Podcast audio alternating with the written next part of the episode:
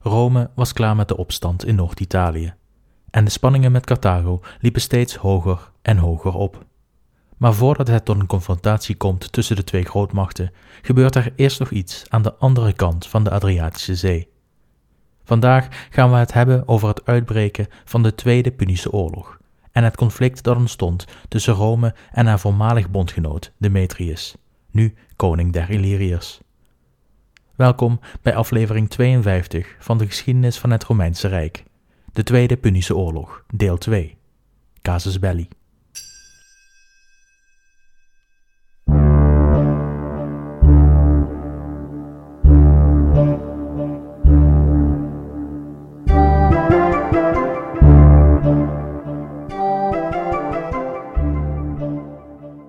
We beginnen vandaag in het jaar 220 voor Christus. Dit is één jaar voor de uitbraak van de Tweede Punische Oorlog en Hannibal stond reeds twee jaren aan het hoofd van zijn leger in Spanje. Echter was de Carthaagse uitbreiding in Spanje niet hetgeen waar de Romeinen zich op dit moment druk over maakten. Er was namelijk iets anders aan de hand, aan de andere kant van het Italiaanse schiereiland. Namelijk met de vroegere vriend en bondgenoot Demetrius, die de Romeinen had geassisteerd bij het veroveren van het Griekse eiland Corcyra, hedendaags Corfu. Demetrius was een goede bondgenoot gebleken in de Eerste Illyrische Oorlog en was dan ook voor zijn hulp beloond door de Romeinen. Hij werd na de oorlog geïnstalleerd als heerser van grote delen van Teuta's koninkrijk en hij werd een vriend van Rome. Demetrius deed er na het aflopen van de oorlog alles aan om zijn machtsbasis in en rond Illyrië te vergroten. Eerst moest hij zijn machtsbasis onder de Ardei versterken. Zij hadden namelijk net hun koningin Teuta verloren en de volgende in lijn om de nieuwe leider te worden was Pinnes, en hij was nog te jong om het koningschap op zich te nemen. Er was dus een machtsvacuum die Demetrius maar wat graag wilde vullen. Hij trouwde daarom vrij snel na de oorlog met Triteuta. Zij was de weduwe van koning Agron en moeder van de opvolger Pinnes. Met het huwelijk wist Demetrius zich zeker te stellen van een uitbreiding van zijn macht over de Ardei. Vrijwel direct ging hij ook vriendschappelijke diplomatieke relaties aan met omringende Illyrische volkeren. Demetrius deed eigenlijk wat koning Agron ook al had gedaan: de krachten van de verschillende Illyrische volkeren verenigen om gezamenlijk de macht en eer van Illyrië te herstellen. Demetrius sloot ook een verdrag met Macedonië, de aloude vriend uit het noorden van Griekenland, die immer bezig was met het vergroten van haar macht en het onderwerpen van de talloze stadstaten in Centraal- en Zuid-Griekenland. Rond 222 voor Christus sloten Illyrische soldaten zich aan bij een Macedonisch leger die op dat moment in conflict was gekomen met een collectief aan Griekse stadstaten. Macedonië wist met hulp van de Illyriërs de slag bij Sellasia te winnen, met als resultaat dat de vijand een zware slag was toegebracht. Na deze slag keerde Demetrius terug naar Illyrië. Nu, met stevige vriendschappelijke banden met de Macedoniërs, moest Demetrius gedacht hebben dat zijn eigen machtsbasis ook wel weer aan uitbreiden toe was. En met Macedonië als bondgenoot zou niemand zich wagen aan een oorlog met de Illyriërs, toch? Demetrius begon dus na 222 voor Christus met het uitbreiden van zijn macht, en wel ten koste van Romeinse interesses in de regio. Een slecht idee, weten wij nu. Maar als ik eerlijk ben, had Demetrius toen der tijd ook wel kunnen weten dat het een slecht idee was. Rome was tot voor kort druk bezig met de Keltische opstand in Noord-Italië. En tijdens het onderdrukken van deze opstand had Demetrius een leger Illyriërs dat de Romeinen hielp in hun strijd, teruggetrokken uit Italië. Op een moment dat de Romeinen iedere man hadden kunnen gebruiken. Erger nog dan dat had Demetrius de grote fout gemaakt om vriendschappelijke relaties aan te gaan met de Histri, een Illyrische stam levend in en rond hedendaags Istrië, Kroatië.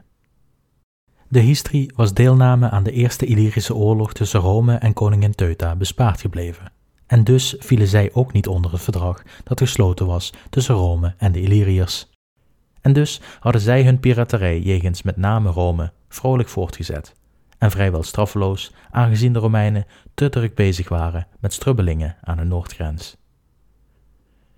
Rome stuurde echter direct na het onderdrukken van de Gallische opstand een vloot richting de Histri, welke korte metten maakte met de piraterij in de regio. Toen een jaar later de spanningen tussen Macedonië en haar vijanden wederom opliepen en er een nieuwe ronde aan gevechten uitbrak tussen Macedonië en de zuidelijke stadstaten, besloot Demetrius dat dit de tijd was om a. hun Macedonische bondgenoten bij te staan in het conflict en b. in de tussentijd naar hartelust rijkdommen van de zuidelijke Grieken te plunderen op de gebruikelijke Illyrische manier. Demetrius liet, in strijd met de regels van het verdrag met Rome, een vloot bij elkaar roepen, om vervolgens in 220 voor Christus met 90 schepen richting Pylos te varen. Pylos is gelegen op de Peloponnesos en lag dus ver zuidelijk van de stad Lysus. Zoals u zich wellicht herinnert, was de belangrijkste afspraak van het vredesverdrag na de Eerste Oorlog dat de Illyriërs zich niet meer ten zuiden van deze stad zouden begeven, met meer dan twee schepen. Een reactie uit Rome bleef uit, en Demetrius behaalde enkele successen in en rond het zuiden van Griekenland. Hij deed eiland na eiland aan en veroverde of plunderde deze, of hij eiste een behoorlijk bedrag van de eilandbewoners in ruil voor het voorbijvaren van het eiland. Demetrius wist vijftig Griekse schepen over te nemen en assisteerde zijn Macedonische bondgenoot zo goed hij kon, uiteraard als secundair doel, want plunderen voor rijkdommen leverde natuurlijk veel meer op. Toen het conflict in Griekenland weer wat doofde, vertrok Demetrius terug richting Illyrië. Wat hem precies bezielde, vraag ik mij af, maar hij besloot in de winter van 220 voor Christus enkele steden ten zuiden van zijn koninkrijk aan te vallen. Dit waren steden die bevrijd waren door de Romeinen in de Eerste Illyrische Oorlog en dus ook de bescherming van Rome genoten tegen Illyrische invloeden. Rome was niet op tijd om de steden te redden van Demetrius' expansie. Het had simpelweg niet de prioriteit van de Romeinen. Er was namelijk een ontwikkeling gaande in Spanje die de Romeinse aandacht trok. Ik heb het natuurlijk over de Carthaagse uitbreiding. Toen in 219 voor Christus duidelijk werd dat een nieuw conflict met Carthago in kwestie van tijd was, besloten de Romeinen zich voor te bereiden op een dergelijk conflict. En hier zou Demetrius de consequenties van ondervinden. De eerste oorlog tussen Rome en Carthago was met name een zeeoorlog geweest. En Rome verwachtte ook dat in de tweede oorlog de zeggenschap over het water doorslaggevend zou kunnen zijn. En dus moesten de Romeinse posities in en rond het Italiaanse schiereiland geconsolideerd worden. Alle dreigingen op zee moesten uitgeschakeld worden en de macht op zee moest hoe dan ook gewaarborgd blijven, zeker rond het Italiaanse schiereiland. Wat ook nog eens meespeelde, was dat in 219 voor Christus twee consuls aan de macht waren die de republiek nog niet eerder op het slagveld vertegenwoordigd hadden. Met een nieuw en hoogstwaarschijnlijk langdurig conflict met de Carthagers in het verschiet, waren de consuls nog op zoek naar een manier om snel hun republiek in dienst te bewijzen. De twee consuls besloten daarom om zowel hun eigen doel als die van de republiek te dienen, door snel korte metten te maken met de Illyriërs en de havens aan de Adriatische kust zeker te stellen. In 219 voor Christus werd daarom door Rome besloten om de Illyriërs wederom de macht van Rome te laten ondervinden. De Romeinen hadden ingezien dat de stad Dimalum in hedendaags Albanië van cruciaal belang was voor de macht van Demetrius, en dit was dan ook het eerste doel van de Romeinen. De consuls staken de Adriatische Zee over en belegerden de stad, die na een belegering van zeven dagen kon worden ingenomen. Demetrius had zich in tegenstelling tot koningin Teuta wel voorbereid op een Romeinse invasie, en hij had zijn troepen verdeeld over verschillende strategische punten, waaronder Dimalum. Het garnizoen kon echter niet voorkomen dat de stad viel. Als gevolg van het verlies van Dimalem besloten alle Illyrische steden en dorpen in het gebied rondom die stad zich vrijwillig te onderwerpen aan Romeinse bescherming. Vervolgens trokken de Romeinen op tegen Demetrius op het eiland Pharos, het thuisland van Demetrius, die de aanval afwachtte met goede troepen, ruime voedselvoorraden en oorlogsmateriaal achter sterke vestigingswerken. Om een langdurige belegering te voorkomen, besloot consul Armilius Paulus een nieuwe frontale aanval te riskeren. Het Romeinse leger trok van het vasteland naar een bosrijk deel van het eiland. Ondertussen werd de volgende dag een kleine groep schepen uitgezonden om Demetrius van achter zijn vestigingswerken te verleiden. Demetrius marcheerde naar de haven om zich tegen de Romeinse landing te verzetten. De strategie werkte, en toen het belangrijkste Romeinse leger vanuit een andere richting op het eiland verscheen, werd het Illyrische leger gedwongen om de strijd aan te gaan, omdat ze werden afgesneden van hun stad. Aan twee kanten aangevallen en afgesneden van de bescherming van de stadsmuren, was de strijd verloren. In 218 voor Christus gaven de Illyrische troepen zich over, terwijl Demetrius het eiland verliet en naar Macedonië vluchtte, op weg naar het hof van Filip V, die nu de Macedonische koning was na de dood van Antigonus. De Romeinen verwoesten de vestigingswerken van Pharos en voordat de zomer voorbij was, was Aemilius Paulus terug in Rome en werd hij gefeliciteerd met het goede uitgevoerde werk. Elke bedreiging voor de Romeinse bezittingen in Illyrië was weggenomen. Alle winsten van de Eerste Illyrische Oorlog waren veiliggesteld en de oude bewegingsbeperkingen die aan Illyrische koningen waren opgelegd, werden hersteld. Pinus werd aangesteld als nieuwe koning van de Ardeaei, als ondergeschikte van Rome. Het koninkrijk van Pinus werd vrij ongemoeid gelaten door Rome en genoot een behoorlijke autonomie, maar werd wel gedwongen om herstelbetalingen aan Rome te voldoen voor de Tweede Illyrische Oorlog. Er werd door Rome om uitlevering van Demetrius gevraagd bij Macedonië, maar deze werd geweigerd. Met de havens in Illyrië nu veiliggesteld en een onderdaan op de troon, waren de Romeinse interesses in het gebied weer veilig en kon de voorbereiding voor een nieuw conflict met Carthago beginnen. We bevinden ons nog steeds in het jaar 219 voor Christus. En we gaan het nu hebben over de oorlog die in het volgende jaar zal uitbreken tussen Rome en Carthago. Zoals eerder vermeld in deze aflevering, stuurden de Romeinen in dit jaar gezanten naar Hannibal en Carthago om ze te vertellen wat er zou gaan gebeuren. Hannibal was in 221 voor Christus als 26-jarige aangesteld als legerleider. Tussen 221 en 218 voor Christus had hij de expansiedrift van zijn vader voortgezet en grote delen van Centraal-Spanje veroverd, tot aan de rivier de Ebro. Hij was de grens van het verdrag nog niet overgestoken, en tot op heden was er vrij weinig aan de hand. In de winter van 219 voor Christus kwamen de gezanten uit Rome aan in Spanje en zij zochten een audiëntie bij Hannibal. Hier spraken de gezanten tegenover Hannibal uit dat Hannibal zich aan het verdrag te houden had en niet ten noorden van de rivier Ebro moest komen, anders kwam er oorlog. Wat de Romeinen tussen neus en lippen door even bijvoegden aan hun eisen, was dat Hannibal ook de stad Saguntum met rust moest laten. Deze stad lag dan wel ten zuiden van de Ebro, en het verdrag tussen Rome en Carthago stelde dat de twee zich niet zouden bemoeien met elkaars veroveringen aan hun zijde van de rivier, maar Saguntum was een uitzondering volgens de Romeinen, want deze stad genoot de bescherming van Rome en was een vriend van Rome. Ik heb in de vorige aflevering al duidelijk gemaakt dat de handelswijze van de Romeinen ten opzichte van Carthago niet bepaald chic was, en dat Rome Carthago consequent als onderdaan behandelde, terwijl daar totaal geen grond voor was. Hannibal had daarbij helemaal geen boodschap aan de woorden van de Romeinen. Hij vond sowieso al dat de Romeinen jakhalzen waren, en dus ondervonden de gezanten in ijzige ontvangst bij Hannibal en ontvingen ze geen enkele toezegging van de generaal. Dat Hannibal niet toezegde zich aan het verdrag van de Ebro te houden en ook niet toezegde de autonomie van Saguntum te respecteren, zat de Romeinen uiteraard niet lekker. En dus trokken de Romeinen richting Carthago om daar de gezaghebbers nog eens op het hart te drukken wat er van hen verwacht werd. Ook hier leek de Romeinse boodschap aan dovermansoren gericht, en dus wist Rome dat oorlog niet lang meer op zich zou laten wachten. In de lente van dat jaar stuurde ook Hannibal mannen naar Carthago om te overleggen over de volgende stap, of simpelweg om duidelijk te maken wat zijn volgende stap zou zijn.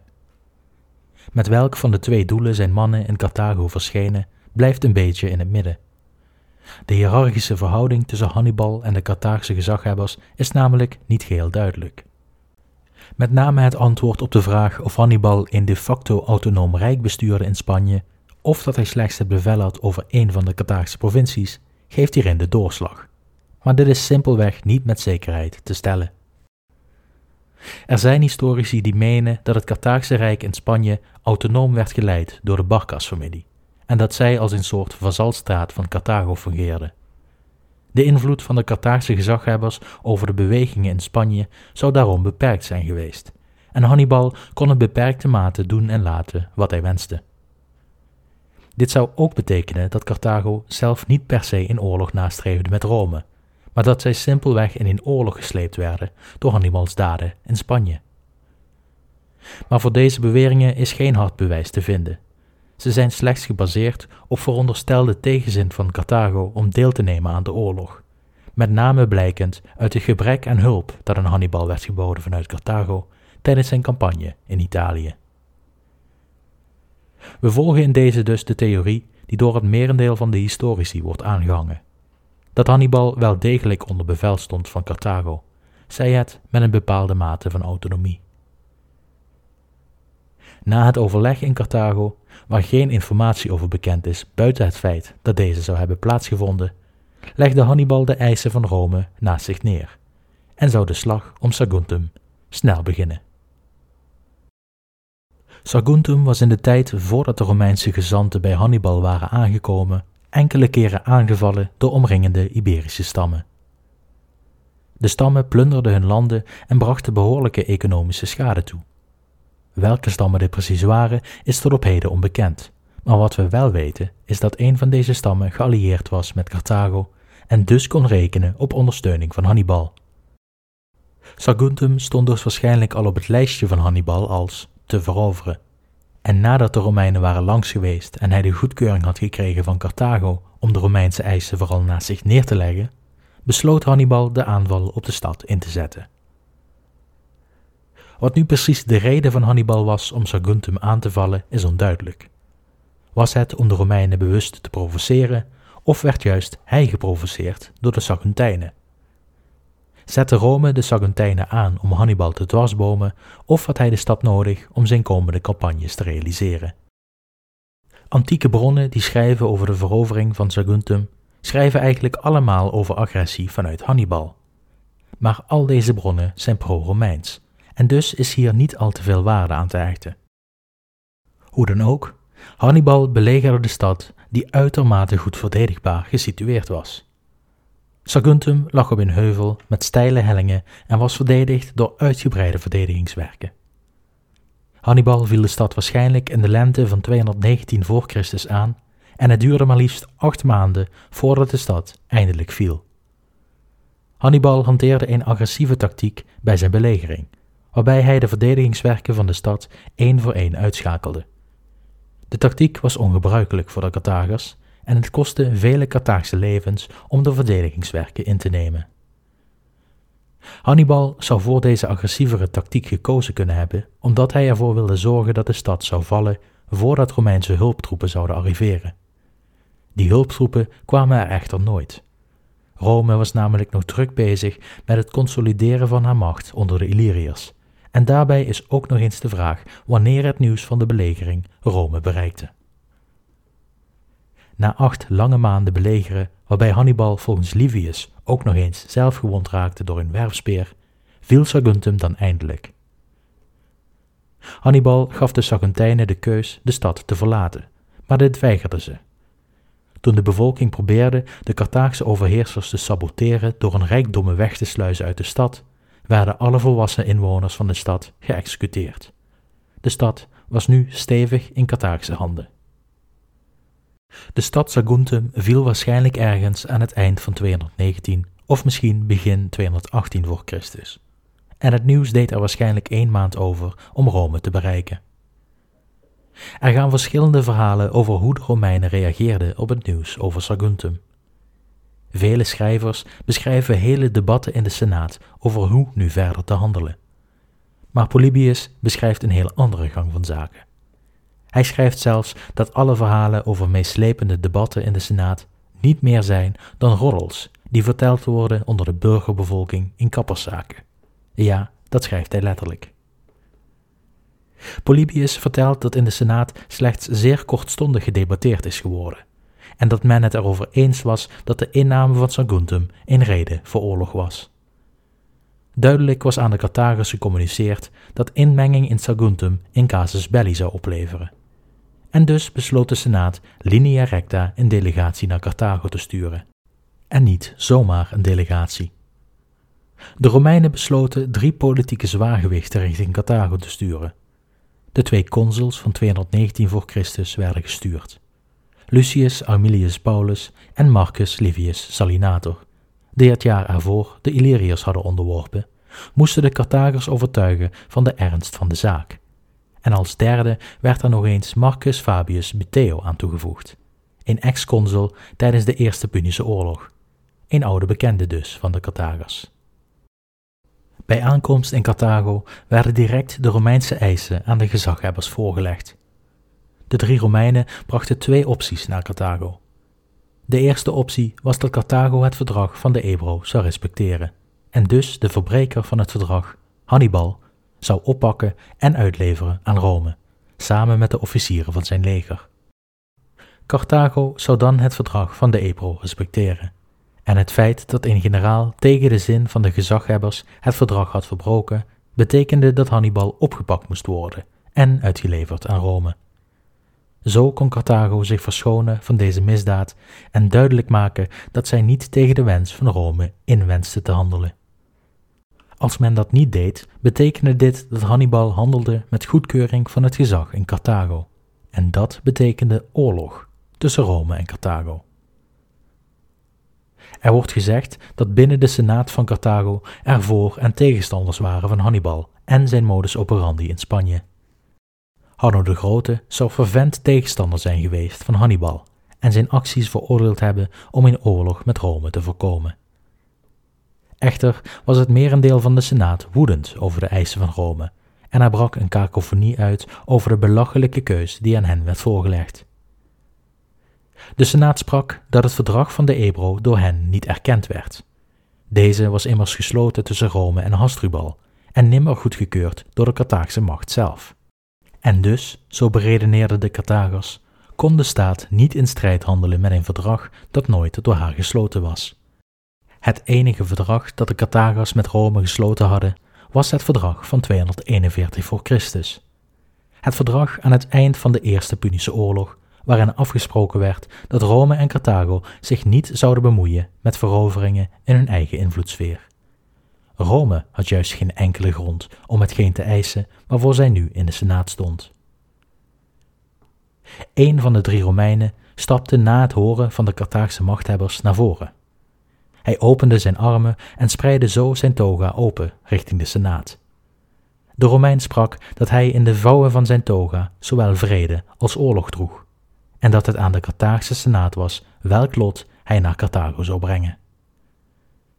De Senaat raakte wederom in tumult door de arrogantie van de Romein, en een van de suffeten riep naar de Romein dat hij maar moest kiezen welke van de twee het lot zou worden. Waarop de Romein riep: Dan zal ik oorlog naar u brengen. Waarna de hele Carthaagse Senaat riep: En wij zullen accepteren. Op deze wijze werd de oorlog tussen Rome en Carthago beklonken. Voor we deze aflevering afsluiten, gaan we het eerst nog hebben over de voorbereidingen op de oorlog.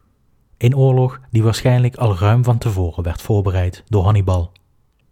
Na de veroveringen van Saguntum was Hannibal teruggekeerd naar Carthagast in Zuidoost-Spanje. De winter van 218 voor Christus brak inmiddels aan en de Spaanse troepen, die door Hannibal vrij recentelijk waren gerecruiteerd, kregen toestemming terug te keren naar hun families en pas weer te verzamelen als de lente aan zou breken.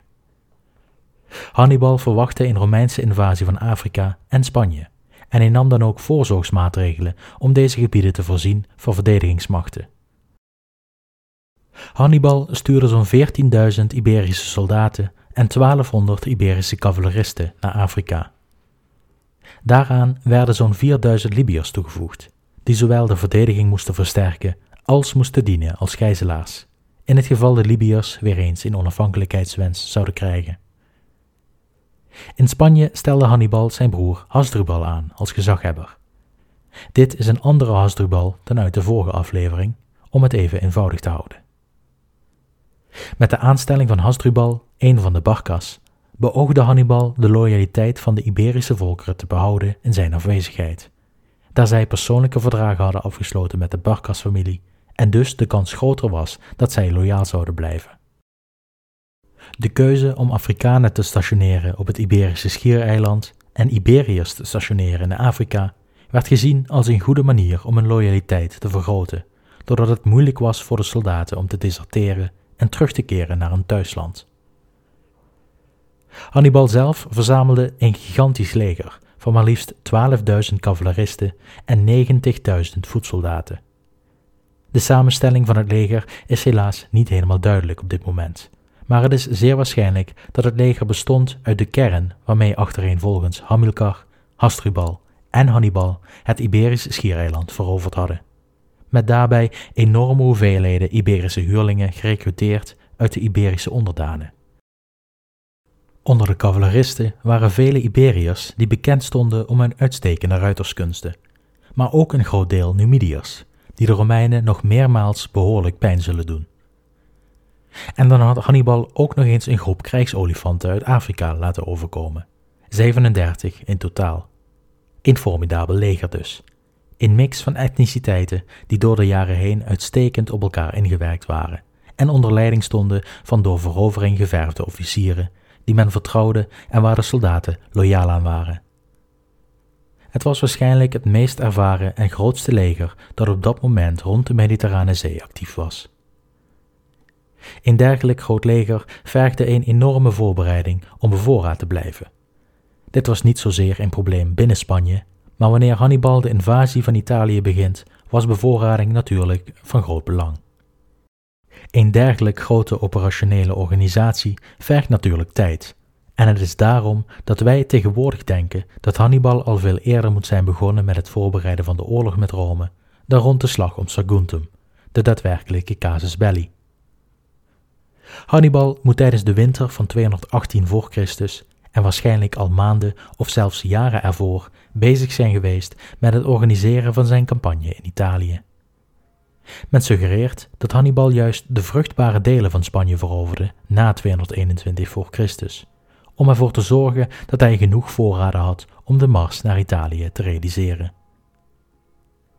Ook stuurde Hannibal ruim voor de start van de belegering van Saguntum gezanten naar het zuiden van Frankrijk en de Alpen, om alvast contact te leggen met de aldaar levende stammen, om te peilen of hij met zijn leger doorgang zou vinden of dat hij geconfronteerd zou worden met vijandelijke barbaren die zijn bevoorrading zouden kunnen bemoeilijken als hij eenmaal door het gebied gereisd was.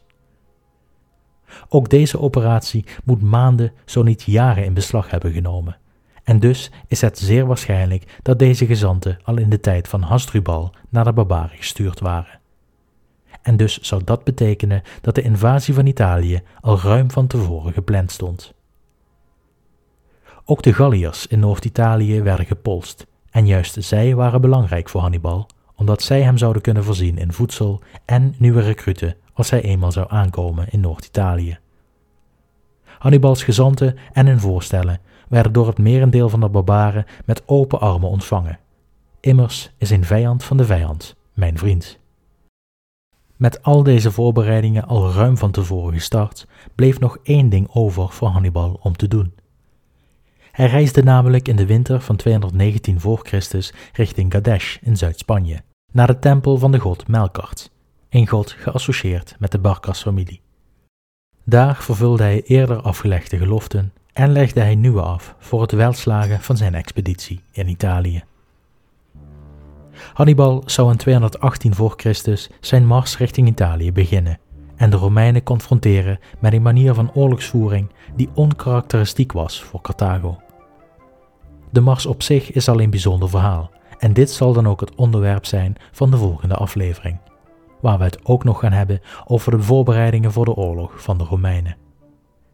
Voor nu wil ik u alweer bedanken voor het luisteren en tot de volgende keer.